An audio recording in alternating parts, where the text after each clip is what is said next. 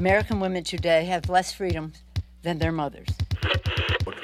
And these heat waves are becoming more frequent because of uh, climate change. Uh. Inflation in the euro area is undesirably high, and this is a great challenge.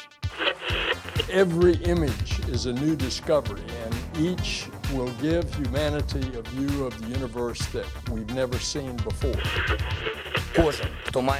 Бойовий досвід і може приєднатися до оборони України, повинен негайно прибути до відповідних центрів комплектації.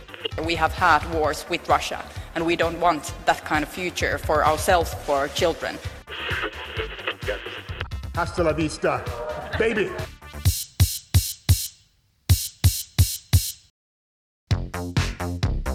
Að hlusta á heimskviður. Þáttinum það sem gerist ekki á Íslandi. Ég heiti Bjarni Pétur Jónsson. Og ég heiti Birta Björstóttir. Áfangastæðar okkar í dag eru tveir, þeir eru Argentína og svo Úkraina. Bjarni Pétur, þú ætla með okkur til Argentínu í síðarluta þáttarins. Af hverju valdir þann áfangastæði dag? Mér langar alveg svona til þess að vita og forvittnast um það hvernig það sé að lifa í landi þar sem verðbólka er vel yfir 100%. Argentínumenn kjósa sér nýtt þing og nýjan fósetti í haust því sitjandi fósetti Fernandes ætlar ekki að bjóða sig fram að nýju. Og það er frjálsíkjumadur og piparsveit frá Buenos Aires sem mælist með mest fylgi í skoðanakonunum og ég ætlaði svona aðeins að rýna í hans feril og áherslur en hann vil meðal annars banna þungunarof og slaka mjög á bissulögjöfin í landinu. En hann fær einna mesta aðtegli út á útlitið Hann er með mikið úvið hár og þykka barta langt niður á kinnar og hefur fengið viðunefnið El Peluca, hárkollan. Og hún heilur ekki vandamálinn, heldur ræðst á þau með keðjusög eins og kollan sjálf kemst á orði. Ok, þetta hljóma mjög spennandi. En áðurum við hugum að hárkollinni ætlum við að koma við í Úkrænu, einu sinni sem oftar. Já, Úkræna og mögulegar aðgerðir gegn rústenskum stjórnvöldum verða rauður þráður á leðtúafundi Európaráðsins sem haldi verður hér á landi í næstu viku. Einmitt, það líkur ekki enn fyrir hvort að Silenski mæti í eigin personu eða taki þáttu gegnum fjarfundabúnað. Það skýrist nú líklega ekki fyrir bara rétt fyrir fund. En sama í hvað formi hann verður á fundinum þá er ljóst að það er mikið undir og mörg sem vænta þess að þessi leðtúafundur Európaráðsins skýli einhverju haldbæru og almennilegu.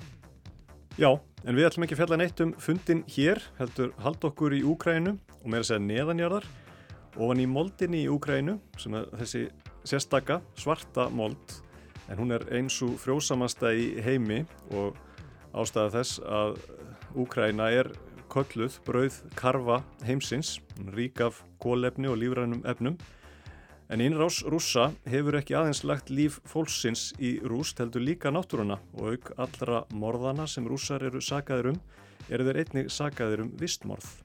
Veit og alveg eins og það er óljóst hvort fólkið í Úkrænu í nokkuð tíman eftir að jafna sig eftir voðaverk rússa þá gildir það sama um náttúruna.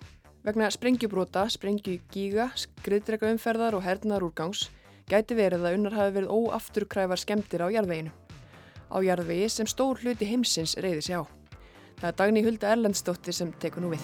Ani tata, ani mami, hei, hei Ani tata, ani mami, ani truni,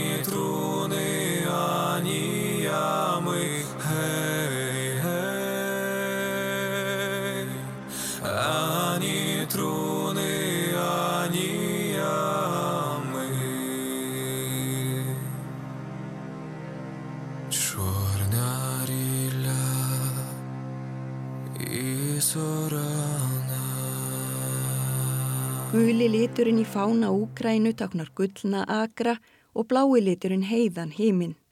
Það er ekki ástæðu lausu sem Úgræna er ímust kölluð brauð, karfa, Evrópu eða heimsins og vakka agurirkju í heiminum.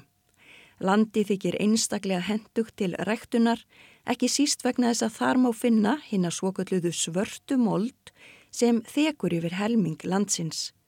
Árum saman hafa Úgrænumenn framleitt kveiti, mæis, bygg, repju, sólblómafræ og fleira, ekki aðeins fyrir sig, heldur fjölda ríkja.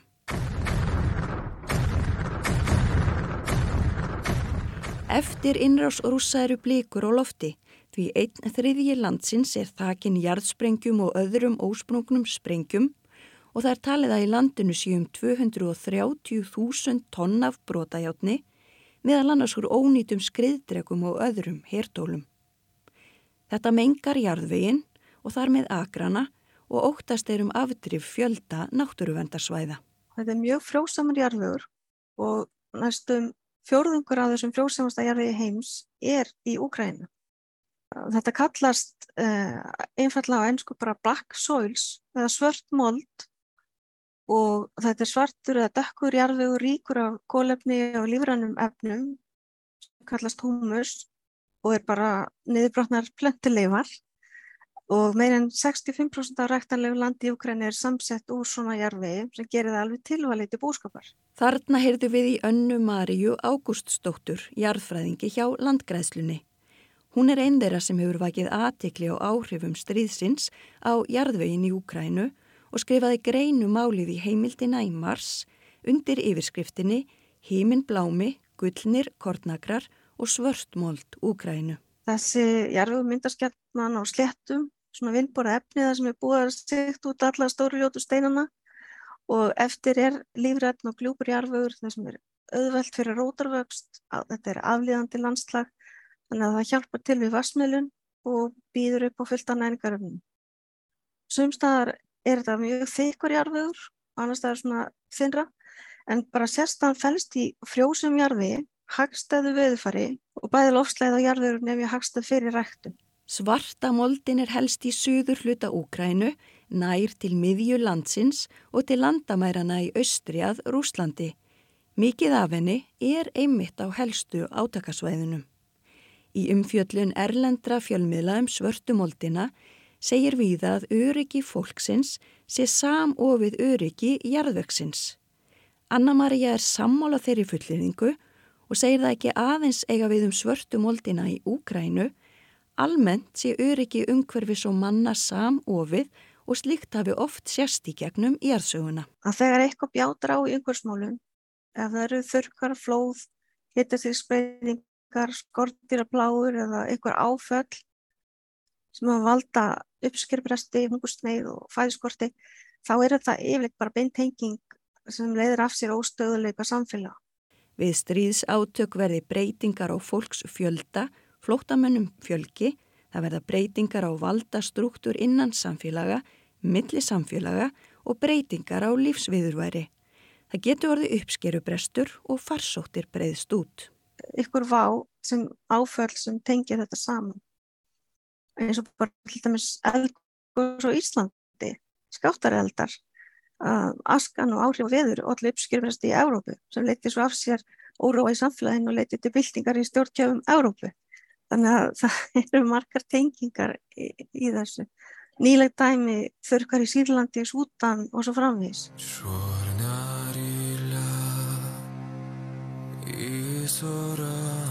Creation of a global platform to assess the impact of military actions on climate and Volodymyr Selenski, forseti Úkrænu, lagði fram hugmyndir að fríðar áallun á fundi leiðtóa G20-ríkjana í november. Þar á meðal var tillega um að komið yrði veg fyrir vist morð og að allra leiða erði leita til að vernda umhverfið og koma vassveitu í samt horf. Við skulum aðeins staldra við þetta orð vistmorð. Á vefsíðinu málið.is sem er á vegum stopnunar Árna Magnússonar í íslenskum fræðum stendur að þetta sé nýjirði skráði í november 2018. Að sögn önnumaríu er vistmórð skilgreint sem ólögmætt eða gerræðisleg aðtöfn sem sé framkvæmt þó það sé vitað að hún kunna leiða til alvarlegra og annarkortu viðtækra eða langvarandi umhverfispjalla. En hvert er hennar mat? Hafa rússar framið vistmorði í Úgrænu? Í mínum huga má tímalöf segja að þetta er vistmorð. Ef við skoðum hvað er vistmorð, þá hefur alþjóðlegi sakadómsdóttirinn, International Criminal Court, sem byggir á svo kallari Rómarsamþygt, að hann hefur verið stopnaði til að taka á alvarlegum brotum varandi alþjóðarsamfélagið. Og nú þegar hefur hann látið til sín taka eh, glæpi eins og þjóðunmorð, glæpi ekki mannkynni og stýðsglæpi. Og nú er á alþjóða vettvangi umræða um vistmorð á hraðri þróun sem var reyndar byrjuð áður en að stríði Úkrænu hófst en með því að breyta Rómarsamþyktinni þá þá er það náttúrulega gríðarstort og umfátt mikið verkefni sem all samlingsniki þurfa að koma að. Þá hafi verið bent á að þegar sé mikið álaga á alþjóða sakamáludómstólnum, ekki síst vegna stríðs rúsa í Úkrænu. Tilgangurinn með því að glæpa væða vistmorð sé að tryggja réttarstöðu náttúrunar. Þannig að einstaklingar geti tekið að sér að berjast fyrir réttlæti í þáu náttúrunar og sameila framtíð okkar allra. Anna-Maria hveðst tvímalalöst telja að framgöngu rúsa í Úkrænu megi fella undir hugtakið vistmorð miða við það sem hafi komið fram um innrásina í Úkrænu. Likilorðin þarna eru ólögmætt skerðasli aðtökk sem leitt hefur til alvarleira vítakra og langverðandi einhverspjalla.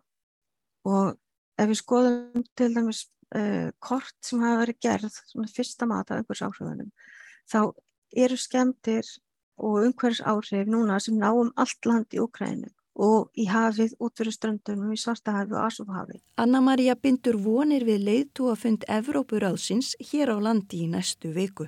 Alþjóða vettangurinn er að taka vissi vandi vistmórð, nú vona ég til dæmis að nú erum við að fara að halda leiðtú að fund eftir helgina og ég vona að þetta er erind þar inni því að það verður virkilega öflug skilabóð að gera vistmórð refsiverð á alþjóðavísu alvarleiki umhvers áhrifina er mikill og það er ljóst að þarna býður eitt stærsta verkefni í Evrópu á endreimt gæða jarðauksins og þjónustu visskerfina.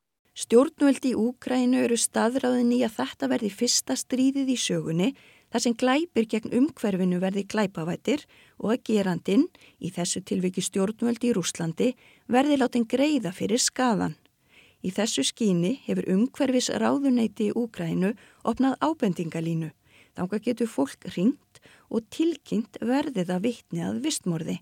Í februar hefðu borist yfir 2300 tilkynningar. Þetta er á meðal þess sem þegar er vitað í Úkrænu. Eitt þriðji landsins er hættilegur vegna jarðsprengja og annara ósprungina sprengja. Í Úkrænu er um 230.000 tonn af brotajárni úr 3000 ónýtum rúsneskum skriðtrökum og öðrum hergögnum. 160 náttúruvendarsvæði eiga á hættu að eiðileggjast. Það sama á við um 16 votlendi. Fjöldin allir af sprengjum í Svartahafi er ókn við bæði skipaumferð og sjávardýr. Hætta er á að 600 dýrategundir og 880 plöntutegundir þurkist út í landinu. Fréttamiðlin Reuters greindi neylega frá sögu kortbonda í Hérsonhjeraði, Andri Povov. Hann snýri heim þegar úkrænum en náðu svæðinu sem hann bjó á aftur á sitt vald. Skemst er frá því að segja að bærinans var í rúst. Tveir traktorar voru hortnir, öll útihús og vélar ónýtt eftir sprengjuára sér. Það eru líka ósprungna sprengjur við bæin sem gera það verkum og það er mjög hættulegt að fara þar um. Það eru líka aðrar skemdir sem augað nemur ekki svo glatt. Það eru skemdir á jarðveginum, á dýrmætu svörstu moldinni. Framkemur í fréttinni að vísendamenn hafi kíkt á síni frá Úkrænu og fundið kvikasilfur og arsenik sem talið er koma úr herbúnaði og eldsneiti. Áhrif innrásarinnar á landbúnað hafa því verið mikil. Landbúnaðurinn á erfileikum að einna hverjum fjórum bændum hefur hægt framleyslu eftir að stríði hófst Sáningarnar eru minni, voru 22% minni mellir árið 21 og 22 og það verður meiri samdráttur þessu ári. Þetta þýðir minni sáningar þýðir líka på þá bara að minni uppsker í kjálfarið. Fjöldi ríkja um allan heim hefur reykt sig og kortnútflutning frá Úkrænu, ekki síst fátakustu ríki heimsins. Það er fleira en mengaður jarðvegur sem aftrar bændum í Úkrænu frá því að rekta landið. Það vantar starfsfólk, aðföng, fræ, orku og fjö og innviður eru í rúst, svo sem vassveitur, vegir og orkuinnviðir. Þá er hættulegt að flytja það sem þó er ræktað, bæði á sjó og landi. Það er búið að hækka tryggingar mikið fyrir flytninga sjóleiðina. Þá bendir Anna-Maria á að landið sé öðruvís en áður. Á agræðuru komni sprengjugígar og skurðir. Jarðvegurni búin að þjappast vegna þungrar umferðar og slíkt hafi áhrif og rótarvöxt. Það landsvæði sem úkrænumenn hafi endurheimt hafi verið í slæmu standi og stór aukin hætta fylgi störfum við landbúna vegna jærsprengja en talið er að þær þekjum þriðjung úkrænu.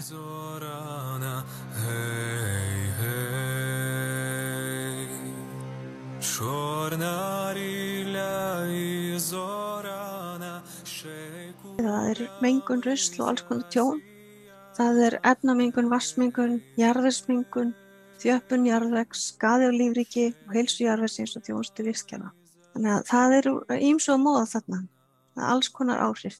Síðan getur moldin sjálf líka verið viðkvæm eins og til dæmis fyrir jarðvegsrófi.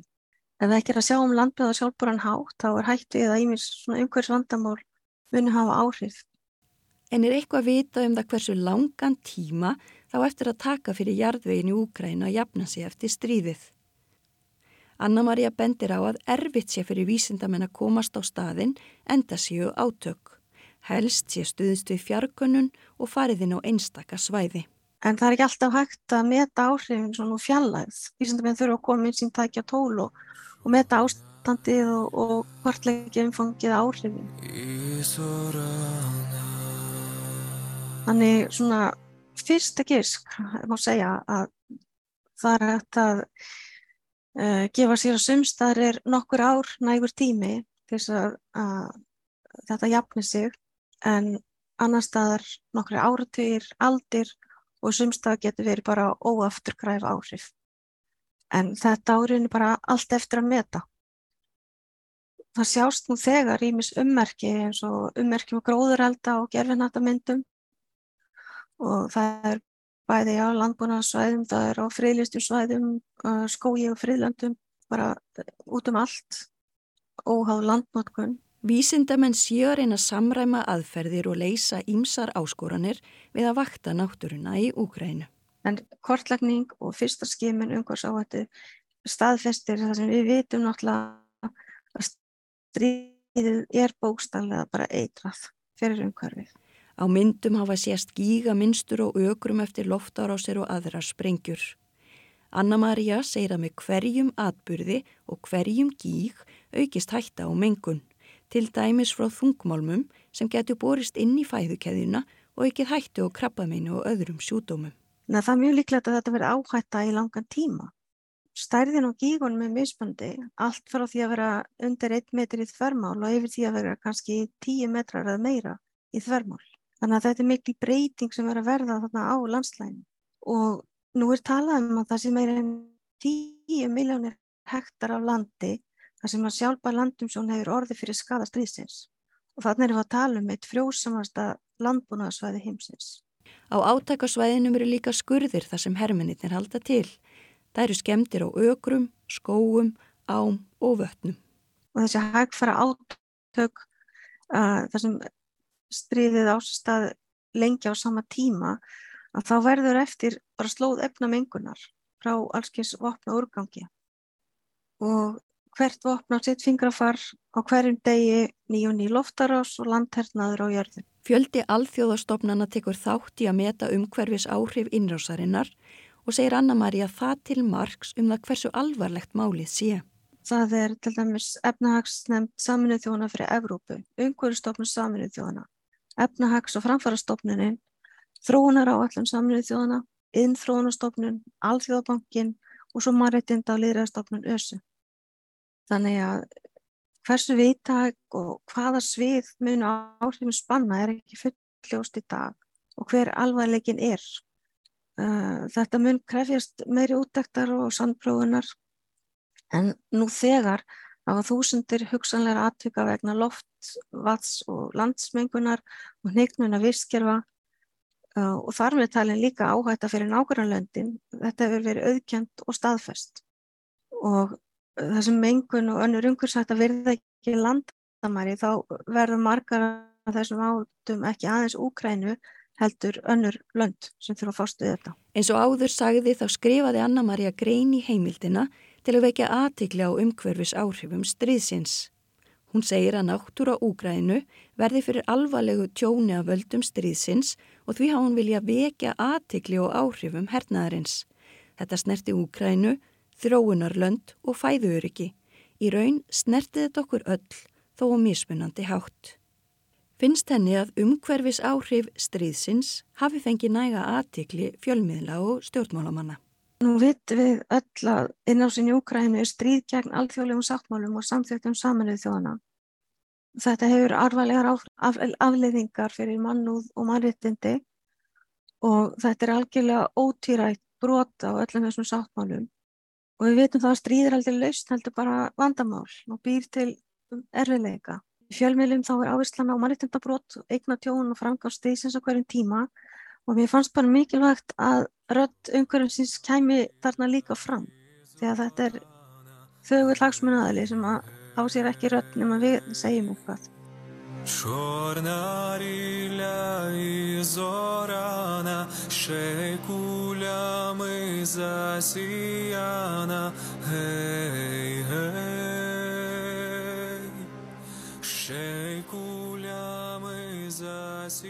Já, Bjarni Pétur, þá ætlum við að hugað hárkollunu sem þú búið þér í uppafið þáttar.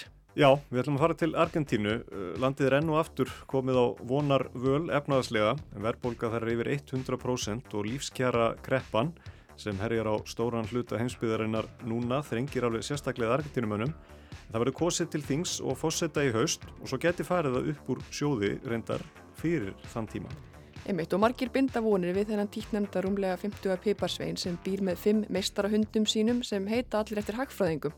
En hann telur sig hafa burði til að stýra Argentínu út úr efnaðars Olgusjó og útil okkar ekkert nema að hækka skatta. Gjör svo vel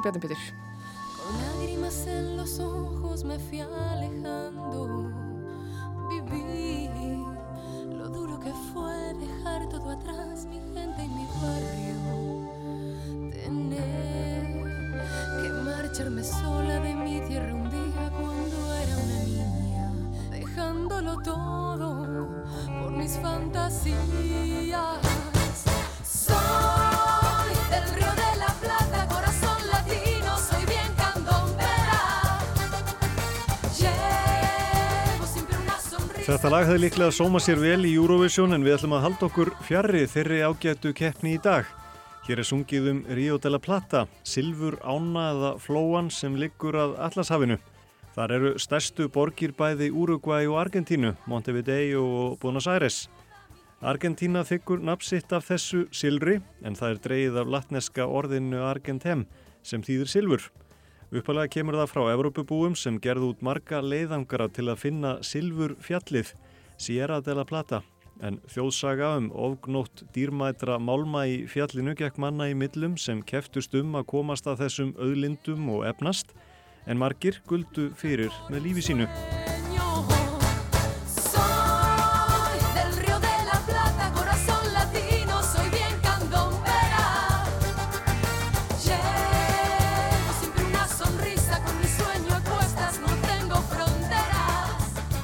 Þetta var á 16. og 17. öld og strax ljóst að þetta land silfursins væri ríkt af auðlindum. Framan af 20. öld og fyrir heimskreppuna um 1930 var Argentína eitt ríkasta land heims miða við höfðatölu. Það flutti út mikið af kortni og kjöti og fyrir um 100 árum var þjóðarframleiðsla í Argentínunari helmingur þjóðarframleiðslu allra ríkja Suður Ameríku. Viðskipti þaðan og þangað námu 7% af öllum vöru viðskiptum á heimsvísu. En frá því um miðja 20. öld hafa fá ríki átti jafn miklum efnagserfileikum og nú er svo komið að margar kynnslóði líta á 20 til 30% verðbólgu sem venjubundið ástand. Íbúar hafa lengi búið við óða verðbólgu og notast við meirhluti þeirra mestu við reyðufjö. Talið er að Argentínumenn eigi tugi eða jafnvel nokkur hundruð miljardar bandarækjadala undir kottanum. Reyðufjö er notað í flest allt til að fara í búðina, kaupa blóm, buksur eða bíl og staplar af dollurum eru daglegt brauð. En staplarnir eru alltaf að verða sjálfsíðari og smerri og erfitt að verða sér út um aur. Verðbólka fór í fyrsta sinni rúma þrjá áratíu yfir 100% í februar og bara farið hækkandi síðan. Verð á helstu nöðsinjum sveiplast því mikið en mjölkur lítrin er á jafnvirði 160 íslenskra króna og bensínlítrin á 140 krónur. Verðið er því nokkurn veginn helmingi læra en hér á landi en það hefur lítið að segja því meðallaunin eru líka mun læri, jafnvirði um 200.000 króna. Og þegar verðbólgan er svona mikil þá er verð vitundin nær engin eins og heyra má á þessum íbúa Buenos Aires. Ahora vine a buscar, por ejemplo, una legumbre que ayer la pagué 1100, hoy vale 1800. Una cosa de loco. Hann segist hafa komið í búðina í gær til að kaupa græmmiti, þá kostaði það 1100 pesoa, í dag kostar það sama 1800. Þetta er bara ruggl, segir hann, og vestlunamenn taka undir.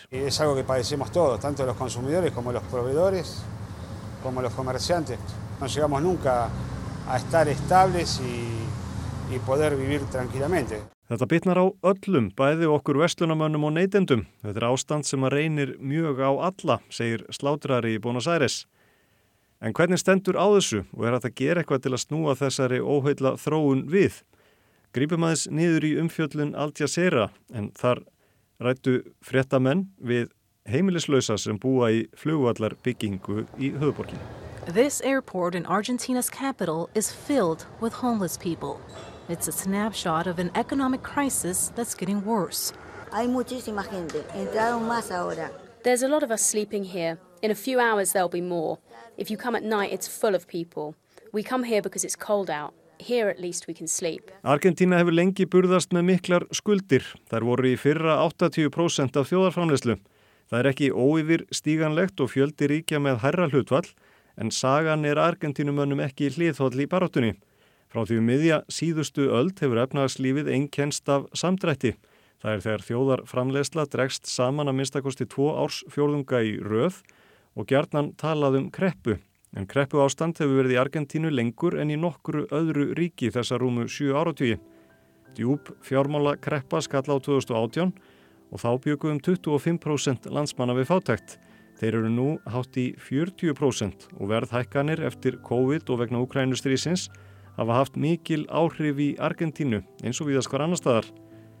En landið sem eitt sinn var vonar stjarnar Suður Ameríku hefur síðustu áratíði gengið í gegnum tímabilnar stöðurar hnignunar og argentíska ríkið farið í greiðslu þrótt á um tíu ára fresti.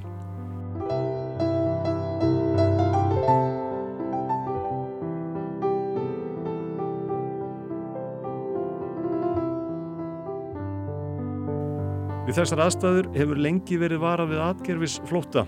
Það er að velmenta fólk leiti annað í meiri stöðuleika og betri laun þar sem meira fæst fyrir peningin. Og allra síðustu ár hefur þessi óheila þróun sótt á. Með fjöldi sóttu um spænskan og ítalskan ríkisborgarrétt árið 2021 og stöðugur ströymur fólks hefur verið í ári yfir til nágranna ríkjana Tíle og Uruguay. Og það eru efnaðs erfileikarnir sem reka fólk á flótta. 2018 hrundi gengi Pesovans, gjaldmiðils Argentínum, sem misti þá helming virði sín skakvart bandarækjadal. Alþjóða gjaldirisjóðurinn stökk til og lánaði 57 miljardar bandarækjadala til að hægtir það bregðast við og koma á stöðuleika, en argentínska efnaðskerfið er það næst stærsta í Suður Ameríku og það hefur ekki náð sér síðan. Stjórn Mauritius Macri fósetta tókst ekki 2018 að koma á stöðuleika, ekki heldur eftir manni hans, Alberto Fernández, en hann freystaði þess að prenta peninga til að breyðast við skuldavandanum og áhrifum COVID sem var bara til þess að auka enn á vandræðin. Og nú er Argentína aftur á barmi djúprar efnaðaskreppu en í vor hafa sögulegir þurkar bætt gráu ofan á svart. Þeir eru að gera úta við helstu útflutningsafurðnar, sojaböynir, korn og kveiti. Það er að skipt sköpum í að skapa störf og hagvöxt sem er nöðsynlegur til að mæta þeim skilirðum sem Alþjóða Gjaldeirissjóðurinn setur.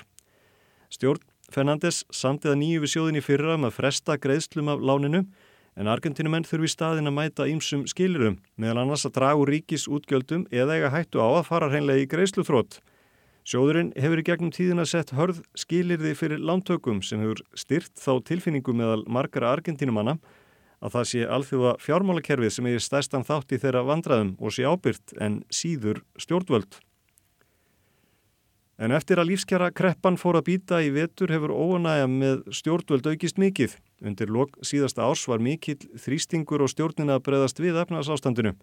Almenningur var orðin lang þreyttur á aðgerðaleysi og mótmæli brutust út viðam um land En þau náðu ekki miklu flugi og þegar líða fórað áramótum var það eitthvað allt annað sem átti allan hug Argentínumanna. Montiel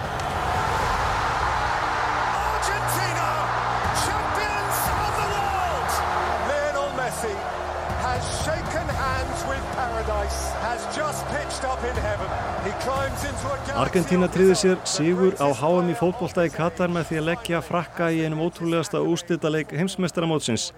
Þar með tókst Lionel Messi loksins að hampa HM gulli og fullkomna þar með fyrirlinn og ef því var ekki lungu lokið endanlega tryggja sér sessi í hjörtum argentinumanna en fáar þjóðir hampa fótbolltanum á þá.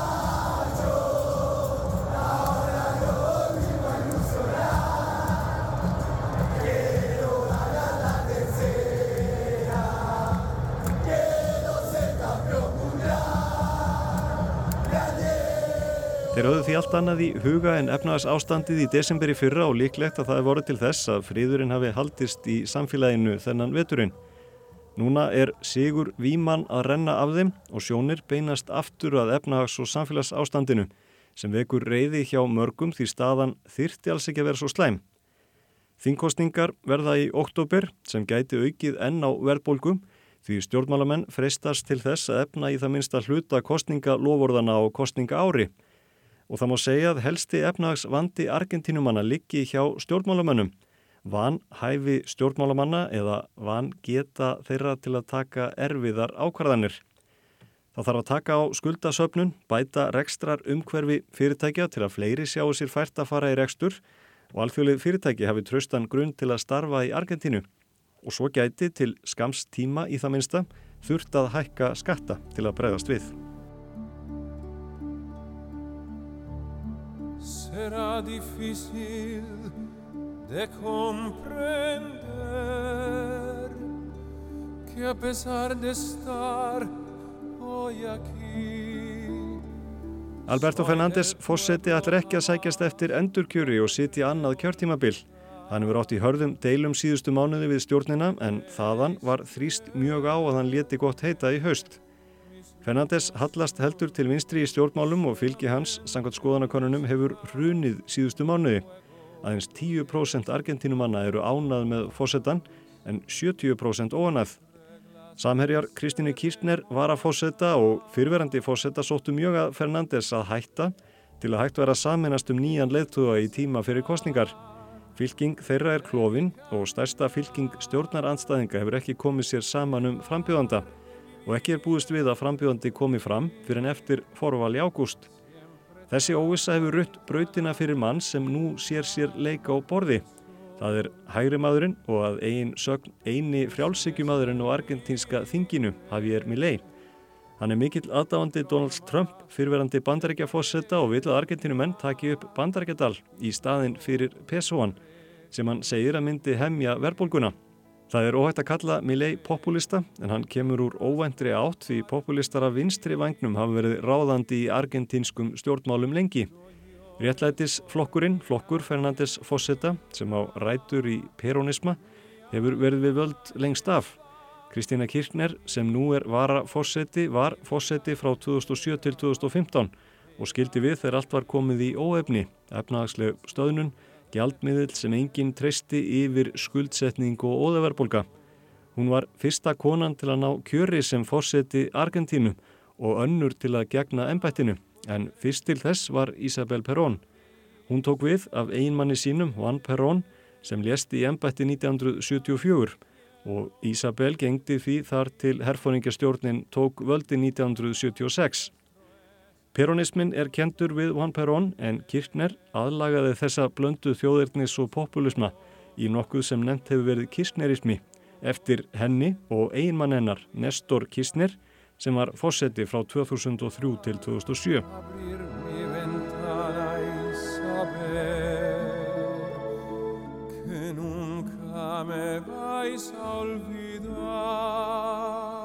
En snúum okkur aftur að frjálsíkju manninum Javier Milei Hann er óvinulegur stjórnmálamadur svo ekki sé dýbra í árinni tekið og ætti ekki að fara fram hjá neinum með mikið og úvið hár, þykka barta niður á miðjar kinnar. En vegna luppans hefur Milley fengið viður nefnið El Peluca, hárkollan, en hann segist sjaldan greiða sér og er því jafnan frekar úvinn þegar hann kemur fram ofinbellega.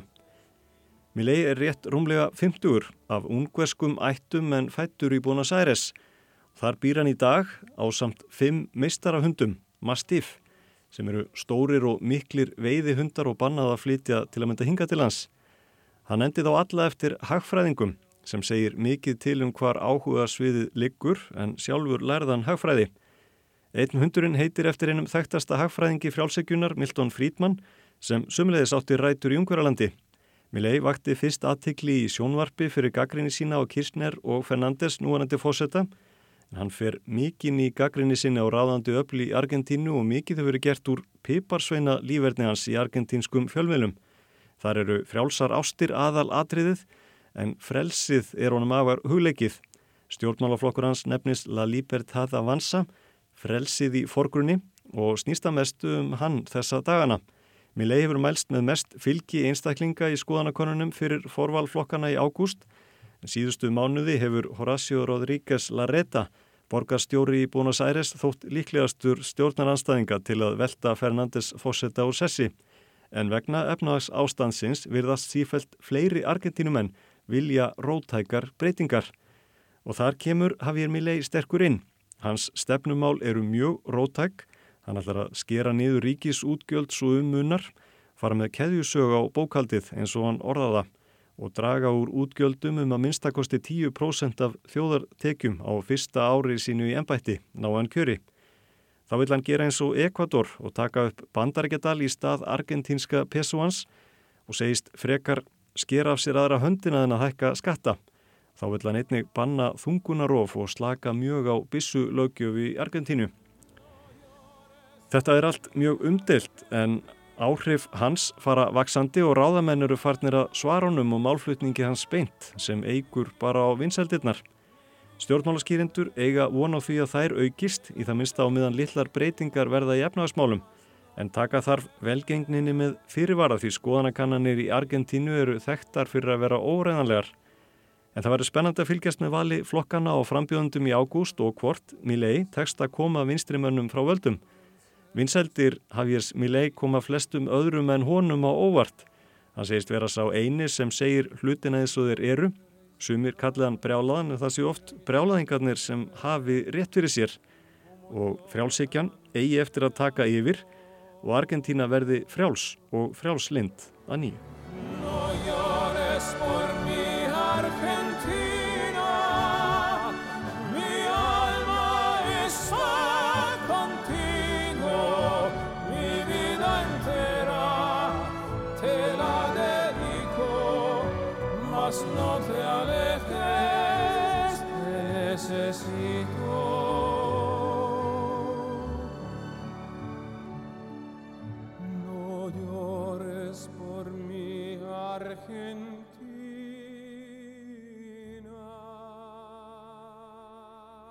Þetta verða loka orðin heimskuðum þessa vikuna.